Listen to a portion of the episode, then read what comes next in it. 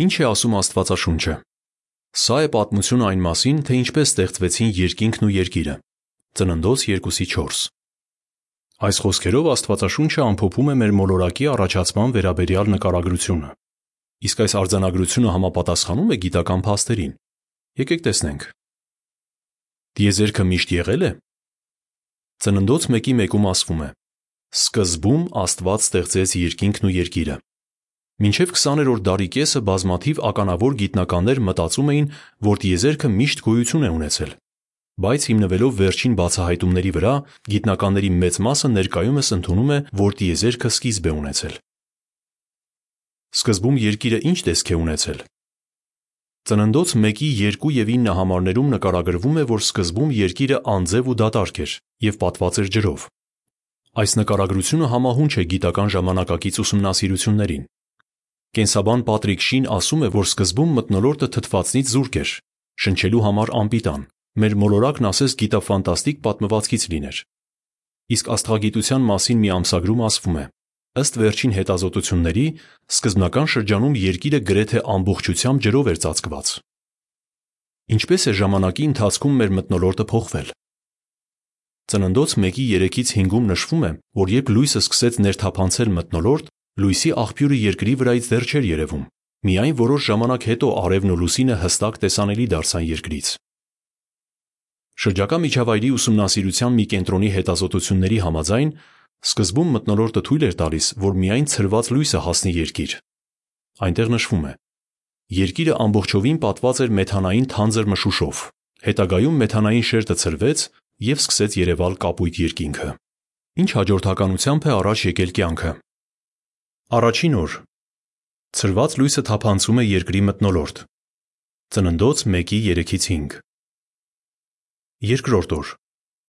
Երկիրը ծածկված է ջրով եւ պատված է գոլորշու հաստ շերտով։ Այդ երկու տարրերը առանձնացվում են եւ դրանց միջև տարածություն է առաջանում։ Ծննդոց 1-ի 6-ից 8։ Երրորդ օր. Մակերևութային ջրերը իջնում են եւ երևում է ցամաքը։ Ծննդոց 1-ի 9-ից 13։ Չորրորդ օր Երկրի մակերևույթից տեսանելի են դառնում արևն ու լուսինը։ Ծննդոց 1-ի 14-ից 19։ Հինգերորդ օր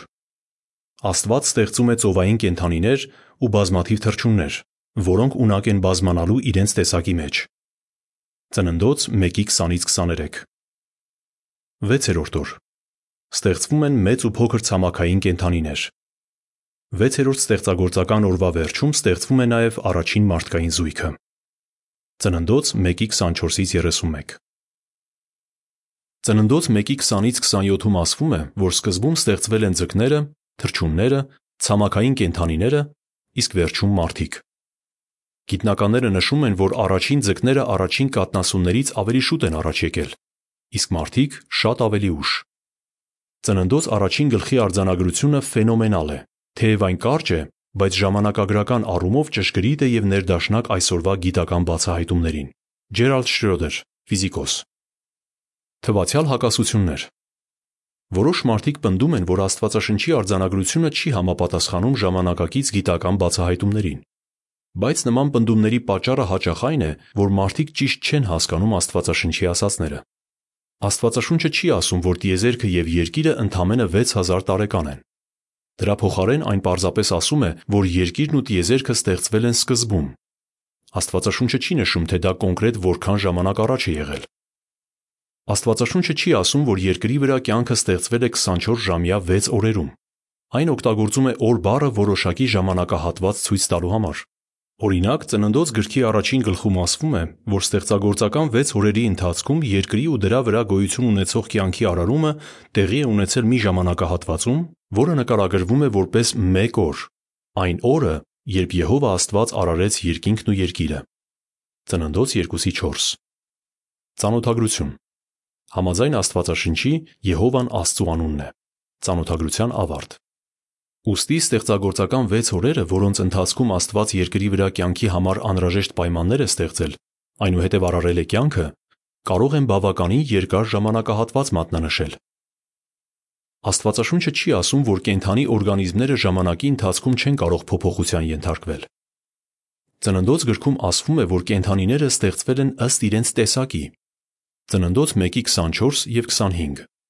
Աստվածաշնչում օգտագործված տեսակ բառը գիտական տերմին չէ։ Այն վերաբերում է կենդանի օրգանիզմների խմբերի։ Ընդամենը մի տեսակը կարող է ներառել կենսաբանական բազմաթիվ տեսակներ։ Սա ցույց է տալիս, որ հնարավոր է տեսակի մեջ փոփոխություններ լինեն, այսինքն ժամանակի ընթացքում նույն տարածքում եղող նույն տեսակի առանձնյակների հատկանիշները փոփոխվեն։ Ինչ եք կարծում։ Ինչպես արդեն նշվեց, տիեզերքի առաջացման, երկրի սկզբնական վիճակի եւ կյանքի ցակման մասին Աստվածաշունչը པարզ եւ ճշգրիտ նկարագիր է տալիս։ Իսկ գուցե այն նաեւ հայտնում է, թե ով է կանգնած այս ամենի ետևում։ Այն գաղափարը, որ կյանքն առաջացել է գերբնական միջամտությամբ, ընդհանուր առմամբ չի հակասում ժամանակակից գիտական տեղեկություններին, ասվում է բրիտանական հանրագիտարանում։ Ծանոթագրություն. Բրիտանական հանրագիտարանի նպատակը չէ առաջ տանել այն գաղափարը, որ կյանքը ստեղծվել է։ Ծանոթագրության ավարտ։ Լրացուցիչ տեղեկություն։ Մտածեք։ Կարդացեք ծննդոց 1-ի 1-ից 2-ի 4 համարները։ Համեմատեք այդ արձանագրությունը կյանքի ցակման վերաբերյալ հին լեգենդների հետ։ Օրինակ, բաբելոնացիները հավատում էին, որ տիեզերքն ու մարդկությունը առաջացել են աստվածուհիների դիերից եւ աստվածների արյունից։ Հին Եգիպտոսում կարծում էին, որ Ռա աստվածը մարդկանց ստեղծել է իր արցունքներից։ Իսկ չինական լեգենդներից մեկի համաձայն մի հսկայի աճյուն վերածվել է երկրի բնական տարրերի, նրա մարմնի վրայի լվերից էլ մարդիկ են առաջ եկել։ Ինչ եք կարծում, ծննդոց գրքի արձանագրությունը հերթական լեգենդներից է, թե գիտականորեն ճշգրիտ է։ Հոդվացի ավարտ